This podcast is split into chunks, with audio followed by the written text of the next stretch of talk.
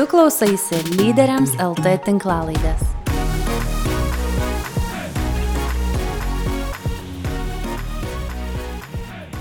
Sveikas, brangus klausytojau. Susitinkame lyderiams LT tinklalaidėje ir jau turbūt mane pažįsti, mano vardas Dovaldas. Ir kaip visada noriu tą paminėti, kad aš esu lyderiams LT organizacijos vadovas. Vienas pagrindinių mūsų veiklų ir renginių yra pasaulinė lyderystės konferencija, iš kur ir ateina labai daug įkvėpimo, įžvalgų, lygiai taip pat su komandai gyvendinam ir keletą kitų renginių. Na, o praėjusi kartą ir dabar esam temoje apie organizacijos kultūrą. Jeigu dar tau neteko pasiklausyti ankstesnių laidų apie tai, tikrai labai raginu tai padaryti, kad būtum toj pačioj minti ir toj pačioj temoje. Aš esu įsitikinęs, kad organizacijos kultūra yra viena iš nedaugelio atsakomybių, kuri priklauso išskirtinai nuo lyderio ir išskirtinai lyderiui. Ir tęsdami, tęsdama šią temą, džiaugiuosi, jog šiandien a, galiu su savimi kartu turėti nuostabų žmogų, a, labai brangę bičiulę Airida Rubytė Būtkuvienė. Aš tikiu, kad daugelis ją pažįstate ir jos balsą tikrai atpažinsite, nes praėjusiame sezone ji buvo XFM laidos lyderystės klubas vedėja ir taip pat Palka rinkodaros vadovė. Tačiau šiandien Airida aš kalbinsiu kaip organizacinės kultūros profesionalę, nes pastarojos karjera buvo su tuo susijusi, su personalo valdymu ir organizacijos vystimu. Tai labas Airida. Labas, Dovaldai, labas. Smagu tave čia turėti ir matyti ir, ir, ir girdėti. Ir kadangi jau paminėjau, kad mes esame organizaciniai kultūroje, ar ne, tai yra toks uh, sąskambi žodžių sudėtingas, bet pasidalink savo patirtimi, kodėl svarbi yra organizacijos kultūra ir kaip tu pati ją formavai ir, ir kaip tu ją supranti. Mm, labai gera tavo tema, kurią tu pasirinkai kalbėti, nes uh, tai yra turbūt mūsų visų ateitis, arba netgi sakyčiau, ačiū Dievui, kad jau tai yra beveik ir dabartis. Ir vis dažniau sutinkam ir organizacijų arba pačių žmonių, kurie ima kalbėti, kad nu man svarbu, kaip aš toje organizacijoje jausiuosi, jaučiuosi ir kaip ten žmonės gyvena. Ir jeigu taip trumpai pasakyti, kodėl aš pradėjau domėtis tą temą, Tai jinai man yra nesvetima jau nuo 2012 metų, kai aš pradėjau savo darbinę karjerą o, ir dirbau visai net netoje pozicijoje, dirbau teisininko padėjėja įmonėje, kuri mus vienyje dovaldai. Ir, ir ten supratau, kaip yra įdomu pažinti žmonės per organizaciją, nes jie tiesiog kalbėjo apie tai, kad, žinai, tas žmogus netinka mūsų organizacijai. Ir aš galvodavau, apie ką jie čia kalba, kaip organizacijai gali netikti žmogus. Ir jie jau tada turėjo tam tikrą HR padalinį, kurie apie tai kalbėdavo. Ir, ir aš tada supratau, kad tai yra be galo svarbu, nes kaip žmogus jaučiasi ir ar jis pritampa organizacijai, arba ta organizacija pritampa jam, mes tada galim kalbėti apie organizacinę kultūrą. Ten yra viskas, ten yra tos pačios vertybės, vadovo kompetencijos, vadovo gebėjimas bendrauti, tarpusavio santykiai, kaip mes švenčiam šventes, kaip mes bendraujam, ar mes pasakom problemas, ar mes jas e, susikišam kažkur į stalčių ir sakom, pas mus jų nėra Ar pas mus yra vertinama klaida, kaip jinai yra vertinama, ar už klaidą mane baudžia, ar mes kaip tik mokomės, kaip yra priimami tam tikri procesai, ne kaip yra žmonės įdarbinami. Tai organizacinė kultūra turbūt apima viskas nuo pat tos pradžios, kai aš įdedu turbūt netgi darbo skelbimą ir jau nuo tada aš galiu pamatyti, kokia ten yra tos organizacijos kultūra. Ar jie atvirai kalba apie, pavyzdžiui, darbo užmokestį. Ok, gerai, kad čia dabar jau reikia, bet jeigu reikia, kiti to nerašo, tai aš suprantu, kad to atvirumo ten yra mažai. Tai ar man kaip darbuotojai tai tiks? Tikėtina netiks. Tai aš labai džiaugiuosi, kad mes apie tai kalbam, Ir mes jau esam turbūt ta karta, kuriai nebūtina dirbti visą gyvenimą vienoje darbo vietoje. Mes suprantam, kad tas mūsų gyvenimas susideda iš X skaičiaus savaičių ir kaip bebūtų gaila, kad tas X yra su minuso ženklu, jos vis mažėja realiai. Ir mes suprantam, kad nu, jeigu man kažkas netinka, kad aš nu, esu nemedis ir galiu kažką keisti. Ir tą organizacinę kultūrą aš galiu jau prisiderinti pagal save. Ir tikrai būna momentų, kad aš galiu netikti tai organizacijai, nes mano vertybės yra visai kitokios, ne? Tai, tai vat, grįžtant apie tai, kodėl aš pamačiau, kad tai yra svarbu ir kaip aš tai gyvendinu savoje organizacijoje, į kurią aš ateinu, tai pirmiausia, aš pradedu apie tai uh, kalbėti, kalbant su kiekvienu individualiai asmeniu. Pasikalbėti, kaip jisai mato, kokia ta organizacija yra jo akimis. Ir kai tu turi tą skaičių žmonių ten 30 ar 40 ar 80, tu įsivertini, ar yra kažkokios sąryšėje, ne, tarptų žmonių, ką jie mato. Nes vadovas tavo atėjus gali labai gražių dalykų pripasakoti, ne, kad pas mus organizacinė kultūra yra tokia, mes išvystę tokias vertybės, turim tokius tikslus, gyvenam tokiais principais, o tu kalbi su žmonėm ir tu matai, kad okei, okay, ir to nėra, ir to nėra, ir to reikėtų. Tai organizacinę kultūrą aš pradedu kaip ir pažinti per žmonės, ne nuo vadovų, kaip sakau, pradedu nuo žmonių. Ir tik tada aš keliauju pas vadovus, kad išgirsti, kaip jie mato visą šitą. Ir mes jau tada kalbam apie tai, tai visgi kokia ta mūsų organizacija yra, ne, kaip mes save matom ir mes pradedam vis tik vis tiek organizacinę kultūrą aš matau per vertybių prizmę ir vizijos prizmę, kur mes norim būti. Nes vertybės bus ta vieta, su kuria mes galėsim pagelbėti savo net toje kelionėje, kaip naviguoti vienoje ir kitoje situacijoje. Mes turim turėti tą viziją, ne? kodėl kiekvienas žmogus turi prisidėti ir ateiti pas mus, būti pas mus ir kuo jo darbas bus prasmingas. Nes ir pastaruoju metu supratau, kad nu mūsų karta, arba dar netgi sakyčiau ir vyresniųjų truputėlį karta, o, jiems yra svarbus prasmės klausimas. Dėl ko aš tai darau? Ir mes, nu, patys turim kas kart savęs paklausti, ar tam tikra, nežinau, vadovo užduotis ar, ar darbas, ar tai yra prasminga ir kokią prasme tai kelia, nes labai daug yra darbuotojų, kurie yra be galo nepatenkinti tuo, ką daro, bet nepaklausia, o ką mes tai darom, dėl ko mes tai darom. Tai aš manau, kad iš tavo klausimų dar šiandien gims apie tai, ne kaip formuoti tą organizaciją, kultūrą ir kaip joje vystytis, bet, bet Mano manimo, organizacinė kultūra yra neatsiema be atviro kalbėjimo. Ir be atviro to girdėjimo pirmiausia, ką tau sako tavo komanda. O kaip ir tu paminėjai, ir aš čia sėdėdama, kol tu kalbėjai pradžioje, tu pasakai labai gerą žodį, kad organizacinės kultūros neįsivaizduoji be teisingo to lyderio, ne? Žinok, ir aš pritarsiu tau. Jeigu organizacija to neturi, tai realiai, kad ir ką tu bedarytum, tu ten tos organizacinės kultūros viduje, nu, tikėtina, arba sukursi laikinai, bet, kaip sako, šaukštas deguto sudegina statinę medaus, tai jeigu nebus tos lyderystės, tos doros lyderystės, tai ta organizacinė kultūra tiesiog gali labai gražiai merdėti. Ir turbūt ir pats pastebėjai prieš, nu, dabar nežinau, vyksta metų CEO rinkimai, ne? Ir ten kaip gražiai matosi, kur, nu tiesiog gražu žiūrėti, kurie žmonės yra atrinkti į tuos metų CEO, ne, ir kurie dalyvauja, ir kaip, pavyzdžiui, tas pats uh, Teledu atstovas. Ir tu supranti, kad tai yra tokio dydžio organizacija ir ten yra tokio didumo, bet kartu ir to mažumo žmogus, ne, kuriam yra be galo svarbu kitas žmogus. Ir kiek darbuotojai apie jį gražiai kalba socialiniuose tinkluose, tai tu pasižiūri ir tu supranti, kad taip.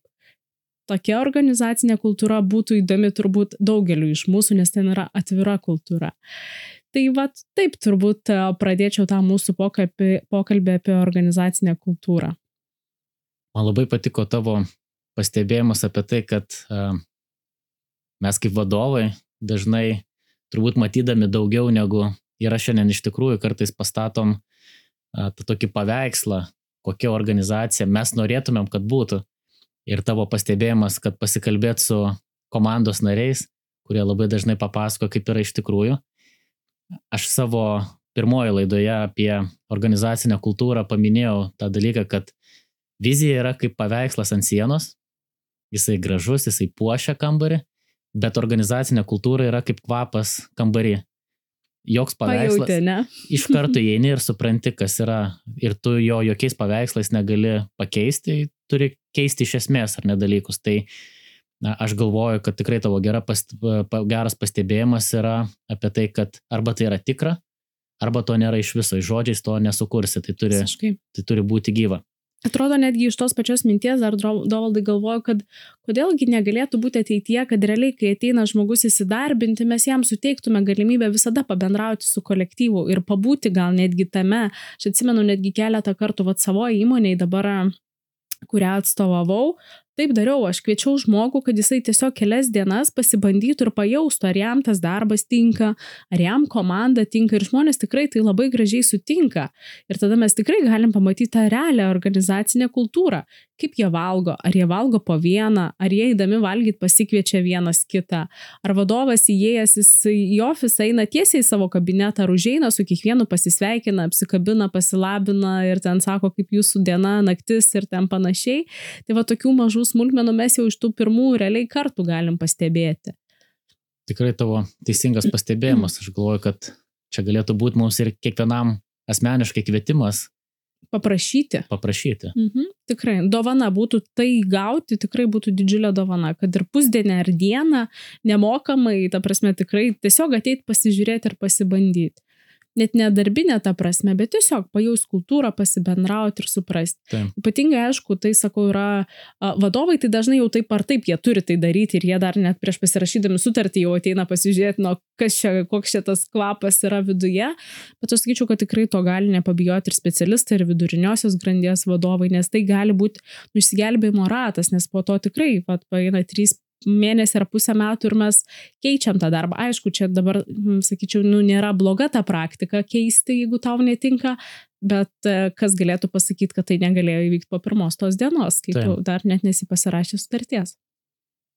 Aš uh, turiu tokį įsitikinimą, kad uh, nėra geros ar blogos organizacinės kultūros, tik tai yra sveika arba nesveika. Ir kartais tas nesveikata nebūtinai dėl to, kad kažkas yra blogai su organizacija, bet nėra tiesiog tokio atitikimo tarp manęs, mano vertybių, mano įsitikinimo ir tarp organizacijos. Tai tu bet kokiu atveju turi nemažai patirties ir uh, galėtum pasidalinti, uh, kaip tu matai sveikos organizacijos, organizacinės kultūros naudą pačiai organizacijai ir jos nariams. O turbūt ta pagrindinė nauda yra ta jausena, ne, kad mes visi a, pagaliau dirbame tuos darbus, kuriuos mylime ir ateiname į darbą su džiaugsmu. Nors sakau, aš turiu tokią utopinę viziją, kurią savo išsikėliau irgi prieš kokius, va, turbūt šešerius metus. ISM studijų metu, kai manęs paklausė, Rida, kokia tavo vizija yra, sakau, nu žinok, mano vizija yra, sakau, kad ir kaip keistai, aš tada ten daugiabučių stačiau, bet aš jau tada mačiau, nes aš dirbau su žmonėm, aš turėjau komandą, aš buvau vadovė, tai aš, nu, mano pagrindinis darbas buvo su žmonėm. Ir aš sakau, kad visi ateitų į darbą ir būtų laimingi darbe. Bet ne ta tokia prasme, kad, nu, šiaip aš esu iš savęs, žinai, optimistiška ir laiminga. Ne. Kad aš dirbčiau tą darbą, kuris man teikia džiaugsmą. Nes, nu, pažiūrėkit, kokių būna nuostabių, nu, nežinau, pardavėjų, padavėjų, nu nežinau, tų pačių vairuotojų, kurie tiesiog dirba tą darbą, kuris jiems yra turbūt duotas iš aukščiau dievulio, ne? Ir jokio popierėlio ten nereikia, kad patvirtint, kad tu yra, esi geras pardavėjas. Ir jiems nesvarbu net koks atlyginimas, jiems nesvarbu, kaip ten kas su jais atrodo, gal ir elgesi, bet jie dirba tą darbą, kurį myli. Tai sakyčiau, kad sveika organizacija yra ta organizacija, kurioje kiekvienas pabrėšiu turbūt šitą žodį, kiekvienas jos, kaip sako, ne, organizacija apibūdina silpniausias jos narys. Dėl to ir sakau, kiekvienas narys dirba savo darbą. Ta, kurį jis mėgsta, ta, kurį jis myli ir dirba tai, ką gali geriausiai. O ne tai, kad aš truputėlį moku šito, bet man reikia daugiausia to daryti, tai gerai aš darysiu. Ir žmogus sako, okei, okay, padarysiu, nors jis nei moka, nei žino, nei gali ir kankinasi, ten, nežinau, daro prezentaciją savaitę, kur kitas padarytų per penkias. Tai sakyčiau, sveika organizacija yra ta, kuri taip gerai pažįsta kiekvieną savo darbuotoją, kad jam duoda tik tais tą realiai užduotį, kurioje jis yra geriausias. Ir tada tikėtina, kad tas žmogus yra laimingas. Ir kai yra tikrai laimingas žmogus, jis tikrai bus atviras, jis tikrai nebijos tada kritikos, nes jisai žino, kad yra profesionalas savoje srityje, jam tada bus normalu priimti ir tą grįžtamą į ryšį. Ir, ir ta visa tada kultūra, nu, natūralu, jinai susidėlioja kaip kokia piramidė, puzlė. Mes pradedam nuo pat pat pat apačios ir mes kylam į patį patį viršų.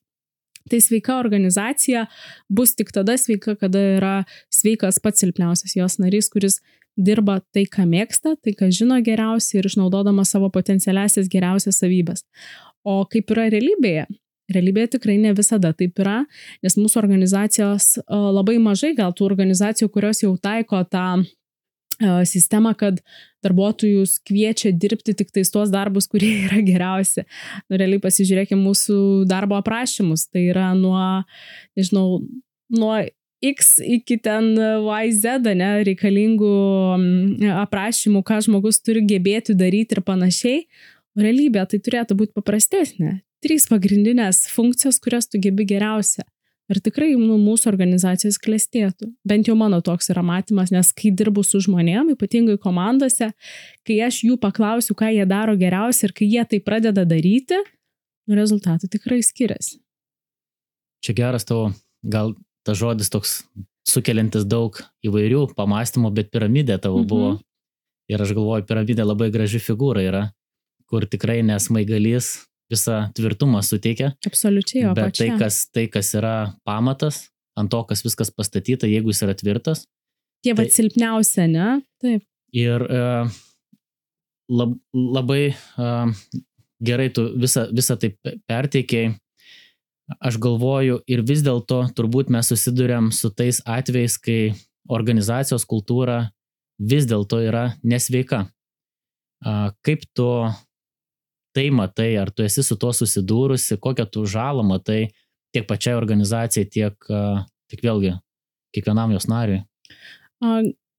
Labai įdomus tavo klausimas, nes labai daug organizacijos su mačiusi iš tos konsultacinės, ne, turbūt pusės ir, ir ypatingai gal ir mokslo, moksluose, kai mes dalindavomės patirtimis apie organizacijas. Ir pasakyti, kurių organizacijų turbūt yra daugiau, būtų, nu, nelogiška ir aš negalėčiau to įvardinti, kaip ir tu sakai, nėra nei gerai, nei blogai, yra taip, kaip ta organizacijai tinka, kitai organizacijai, kuri yra absoliučiai nesveika, nu, jie rodo stebuklingus rezultatus, nu, nes jų toks yra klimatas, jie taip moka, jie taip yra pratę dirbti ir jiems tai yra gerai. Tai ten eiti ir kišti savo sveiką organizaciją turbūt, nu, nebūtų prasmės tame. Bet jeigu kalbant apie tas nesveikas organizacijas, aš tada apverčiau piramidę kita pusė ir sakyčiau, kad nesveika organizacija prasideda nuo pagrindinio to žmogaus. Nes, nu, kad ir kaip būtų keista, viskas prasideda nuo mūsų pačių, ne?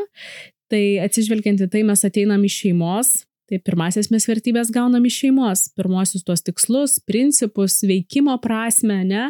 Mes gaunam iš šeimos, tai lygiai taip pat ten yra mama ir tėtis, ne, kurie yra pagrindiniai, arba ten mama, gal viena ar ten vienas tėtis, bet vis tiek bazę mes gaunam iš to vieno žmogaus. Tai organizacijoje lygiai taip pat. Aišku, dabar yra labai smagu, kad yra organizacijos, kurios pasidalina lyderystę ir jos ten visi kartu dirba. Bet tokių organizacijų turbūt sutiksi su manim, kad, nu, ant pirštų suskaičiuotume Lietuvoje dešimt, kurie turi tą pasidalintą lyderystę ir jie ten visi uh, yra vadovai, nėra vadovų arba kaip um, dirba kolegelių principu. Bet tuose standartiniuose organizacija vis tiek pagrindinius smaiku grėžia tas pagrindinis žmogus. Tai jeigu jis pripažįsta ir geba suprasti, kodėl verta būti ta sveika organizacija, galvoja apie tai, tada mes manau, kad ir turim tą sveiką organizaciją. Bet tai turi prasidėti nuo jo paties. Nebūtinai tur, turiu kalbėti turbūt apie tai, kad jis ten turi, nežinau, um, turėti doros lyderystės principus. Yra įvairių begalės kitų lyderystės principų, ta pati tarnaujanti lyderystė ar ten, nežinau, globojanti lyderystė, įvairių šakų galima atrasti, bet ten esmė būtų tai, kad aš elgiuosi su kitais taip, kaip aš noriu, kad su manimi elgtųsi. Ir aš galvoju apie tos žmonės, kaip potencialą, ką aš iš jų galiu padaryti, nes nu vadovas yra tas žmogus, kuris turi atskleisti kitą žmogų, o ne jį sugniuždyti. Tai aš manau, kad labai daug uh, žmonių turi atkreipti dėmesį, kieno komandas ateina, kaip jiems sekasi, kaip vadovui sekasi atskleisti kiekvieną žmogų. Nes realiai pagrindinė vadovo užduotis ir yra suteikti man sparnus, kad aš įgyvendinčiau geriausias, kaip pavadinkim, savo stiprybės, ne, savo geriausiam stiprybėm įgyvendinčiau užduotis. Tai Tai sakyčiau, dėl nesveikų organizacijų būtų mano nuomonė, kad pradėkim nuo vadovo. Ir džiaugiuosi, kad tų vadovų tikrai dabar yra be galo daug, kurie supranta tos sveikos organizacijos svarbą, jie pasiremia, jie ieško žmonių, kurie gali ateiti, kurie gali kalbėti, kurie gali prisidėti, atsiranda, nežinau, HR skyriai, ko gal seniau kitose mažose organizacijose nebūdavo.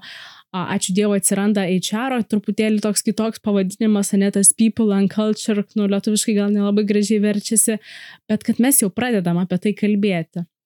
Ir jeigu aš noriu tokio organizacijoje dirbti, aš, nežinau, metinių pokalbių metu, veiklos vertinimo pokalbių metu, aš jau pats galiu apie tai pradėti kalbėti. O kaip mūsų organizacija, nu, nežinau, kalbu su savo vadovu, ne? Kaip Jūs manot, ar jinai yra sveika, ką mes galim kartu padaryti? Aš noriu prisidėti, va šių metų mano vienas iš tikslų yra, kad aš noriu prisidėti prie savo organizacijos veikimo. Tai atsigręžti į save.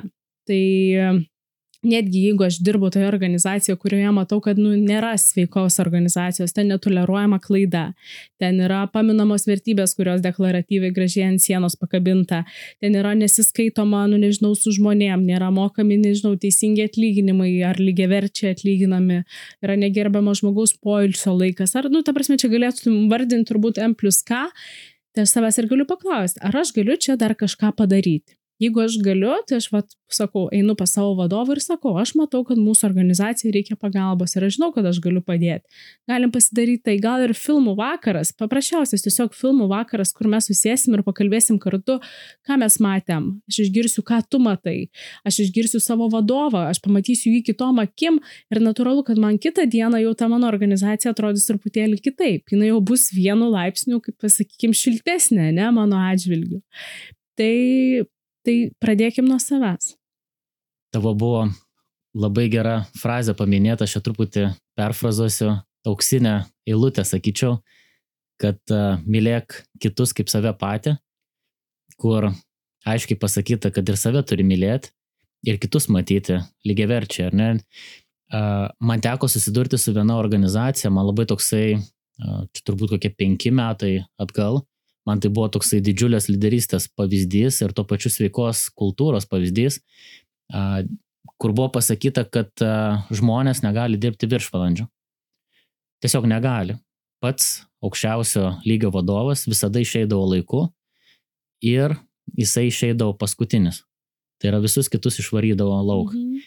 A, tai man va tas yra visų pirma, tu negali kalbėti, tu turi a, įrodyti. Daryti. daryti, ar ne? Tai tu ir pats turi tuo gyventi, tai mylėti save, savo laiką, kitus lygiai taip pat gerbti. Bet ten buvo įsitikinimas, kad uh, jeigu žmogus uh, turi dirbti viršvalandžius, yra tik tai dvi galimybės. Arba mūsų procesai yra neteisingai sudėlioti, tai mes turim juos perdėlioti, gal mes turime darbinti daugiau žmonių, kažkas yra ne taip. Mhm. Arba jeigu žmogus negeba to atlikti, mes turim jį apmokyti. Bet žmogus viršvalandžių dirbti negali ir vadovas, didžia, e, top vadovas, jis būdavo to didžiausias pavyzdys. Tai man tada tai nuskambėjo kaip kažkokia utopija. tokia utopija, bet hmm. šiandien aš suprantu, kad tai yra va, tos sveikos organizacijos toks jau kaip turbūt geriaus, geriausias jos atspindys. Tai man labai patiko tavo šitas paminėtas. Bet, vat, kaip tu ir sakai, viskas vis tiek prasideda nuo to vieno žmogaus, jeigu jis yra ten vienas, jis užduoda tą pagrindinį toną. Ir jeigu ten ateina, kad ir, nu, nežinau, kitas žmogus, kuris va tuo tiki, gali ir, ir stengiasi tai įrodyti, bet jeigu pagrindinis žmogus tuo netiki, tai tu, nu, nu niekaip neįlipsi tą kalną kartu su juo. Tai ir tavo va tos organizacijos pavyzdys, kaip tu minėjai, tas žmogus įrodė savo pavyzdžių.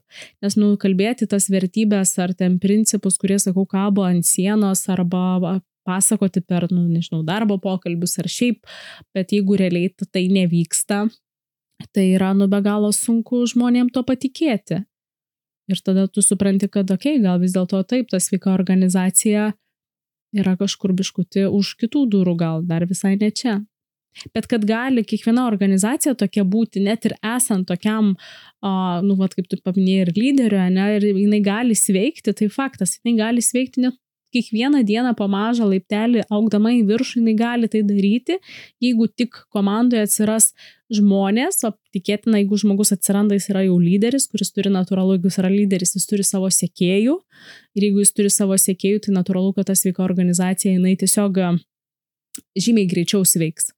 Ir tai tikrai gali vykti esant netgi kitokiom tom sąlygom, negu mes apkalbėjom, nebus gal šimtaprocentinė, bet tam tikrose epizoduose tu geri, gali jausti žymiai geriau. Šiandien mes, kai kalbam apie organizacinę kultūrą, man labai nesinori, kad nuskambėtų tas, kad švenčių daugiau reikia ten, vat, ne, nuskambėti, ne. Mhm. kad nuskambėtų žaidimų daugiau reikia, nes praktiški žmonės, kurie mūsų klausosi, turbūt galvoja, taigi, taigi ne, nežai susirenkam. Bet Ką tu irgi paminėjai vieno, vienoje vietoje, šiandien ateina naujoji karta, kuri teikia kitas vertybės turbūt, ar ne, kitą, kitą, kitą akcentą uždedant prasmės ir šiandien mes gyvenam tuo laiku, kai darbuotojų labai stinga, organizacijos jos dėl to kovoja. Ir Irida, tu, kadangi esi profesionališ toj srity, kokie tavo patarimai būtų, kaip sukurti tokią kultūrą, kurioje visi jaustųsi įgalinti, įvertinti tą sveiką organizacijos kultūrą. Ką tu patartum tos keletą punktų Mano komanda sako, kad man e, airida lygų žodis įgalinimas, nes aš labai mėgstu šitą žodį ir aš absoliučiai juo tikiu, bet aš tikiu ir būtent per tą prizmę, kaip aš tau ir minėjau, atrasti žmoguje, kas jam yra duota iš aukščiau ir kur jis yra stipriausias ir ugdyti va tas būtent savybės ir jam padėti gyvendinti. Ir e, tu gerai labai paminėjai, kad organizacinė kultūra tikrai nėra žaidimai, e, nėra pramogos, organizacinė kultūra pirmiausia yra susikalbėjimas kad mes visi vienas kitą labai gerai suprantam, tai yra pas mus yra labai aiški komunikacija ir, nu, pasakysiu tokį žodį, radikalus atvirumas. kad mes girdim vienas kitą ir galim pasakyti, kur yra mano silpnesnė vieta, ne kurioje aš nežinau, ar aš ten turiu kažką daryti ar neturiu kažką daryti Bet kartu aš galiu ir pasakyti tam žmogui, va čia yra tavo stiprybės, būk geras, išnaudok jas ir daryk su juom kažką. Lygiai taip pat organizacinė kultūra yra apie tai, apie darbą kartu, bendradarbiavimą. Kur aš esu silpnas, tu esi stiprus. Ar aš galiu ateiti pas tave paprašyti pagalbos? Darykim tai kartu. Lygiai taip pat, taip pat organizacinė kultūra yra tai, kad aš galiu būti pažeidžiamas man yra drąsu pasakyti, kad Hebra, aš buvau prisižadėjus pirmadienį trečiai valandai padaryti, nežinau, prezentaciją, aš jos nepadariau. Priežastis, nežinau, būtina, nebūtina įvardinti. E, ir aš matau, kad aš jos nepadarysiu. Šiandien yra penktadienis, aš jos nepadarysiu. Ar galit man kažkas padėti, arba gal galime mes kartu padaryti tai, bet aš pasisakau. Ir Kitas momentas yra apie organizacinę kultūrą, kad aš priimu klaidas. Uh, lygiai taip pat turiu, padariau, žinau, kad blogai padariau, uh, žinau, kad galim keisti, ačiū Dievui, nieks nuo to nenukentėjo, bet matau, kad kitą kartą darysiu kitaip. Ir iš to pasimokiau, pasiemu vienokį ar kitokį ten nežinau, pamokos, pamokos atradimą ir su tuo darysiu, darysiu vieną ar kitą dalyką. Tai jeigu taip apibūdinant trumpai, nuo ko pradėti, tai pradėti nuo tiesiog, kaip ir sakiau, filmų vakaro, kuris gali būti kaip pramoga, bet jinai bus apie kalbėjimą. Apie kalbėjimą ir girdėjimą. Sveika organizacija yra ta, kuri turi dvi ausis ir vieną burną. Tai jie žymiai daugiau klauso ir daug mažiau kalba nes jie tarpusavį jau susikalba tais kitais būdais, gera komunikacija vidinė susiformavusi ir jie jau gali kalbėti apie viską radikaliai, atvirai ir vienas kitą priimdami toks, koks jis yra, nes kai žmogus jaučiasi, jog jis yra priimamas toks, koks jis yra, nu aš manau, kad netrasim pasaulyje žmogaus, kuris darytų kažką blogai arba darytų kažką netinkamai arba uh, kenktų organizacijai. Jis tiesiog darys pačius nuostabiausius darbus ir pačiu pačiu nuostabiausiu būdu. Tavo paminėta mintis man labai patiko ir apstai, ką tu, ką tu kalbė, aš galvoju, kad tai yra uh, labai svarbus principai, uh, juos įsidėmėti, bet dar svarbiau juos yra naudoti. Pritaikyti. Pritaikyti, mhm. nes uh, viską tą, ką mes išgirdome, mes iš tikrųjų šiandien žinom labai daug žinių mums nestinga. Bet, bet mes... kartais net nereikia, aš galvoju, kartais mes tų žinių turim per daug ir vat, labai sunku yra atsirinkti, bet, pažiūrėjau, jeigu ir šiandien jūs girdėdami kažką viena, kažkokia mintis, tiesiog, vat, kaip sakau, kai mes mokomės, mes turim be galo daug informacijos, ne, ir galvoju, kaip tu prisiminti. Yra be galo paprastas būdas. Atsitraukiu, kelias minutės ramiai pakvepuoju ir užsirašau kelis sakinius. Kas man labiausiai įstrigo? Viskas. Tai yra pagrindinė mintis, kurią aš turiu gyventi. Tai įsivaizduoju, jeigu po kiekvienos, nežinau, išgirstos laidos, perskaitytos straipsnio aš tai padarysiu, aš tikrai būsiu turtingesnis. Ir nesakysiu, kad aš labai daug perskaičiu, bet nieko neatsimenu.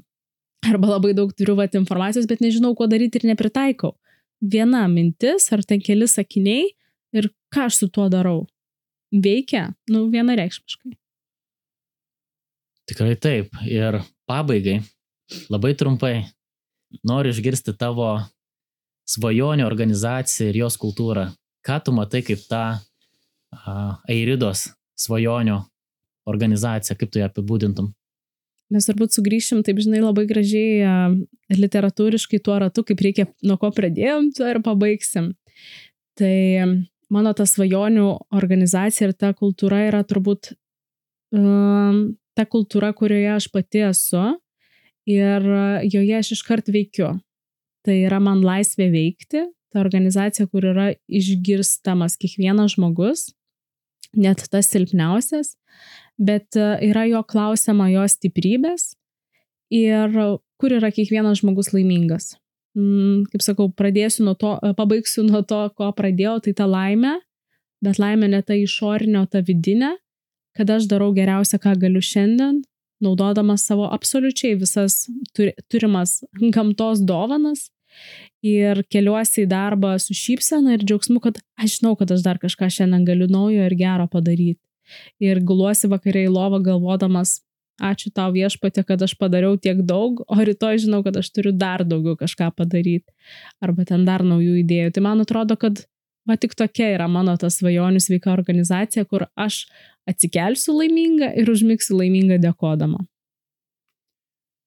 Aš galvoju, Eirida, kad laiminga yra ta organizacija, kurioje personalo žmonės, rinkodaro žmonės, vadovai yra tokie kaip tu, kuriem kiti rūpi, kuriem tu pati rūpi ir tu tikrai turi labai nuostabią savybę, tu esi smalsi, tu augi ir aš jau per tokį trumpą laiką, kiek mes esam pažįstami, aš matau tavo... Jau nebe toks ir trumpas, žinai. Jau nebe toks ir trumpas, bet aš matau tavo augimą.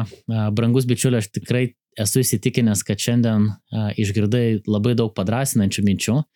Jeigu tu esi bendruomenės vadovas, organizacijos vadovas ar tiesiog šeimos vadovas, tėtis, mama, yra labai daug principų, kuriuos tu gali pritaikyti.